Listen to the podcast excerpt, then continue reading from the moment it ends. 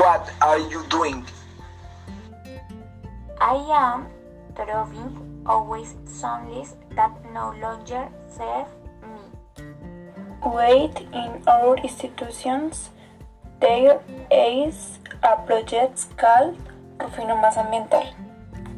And one of its functions is the separation of waste.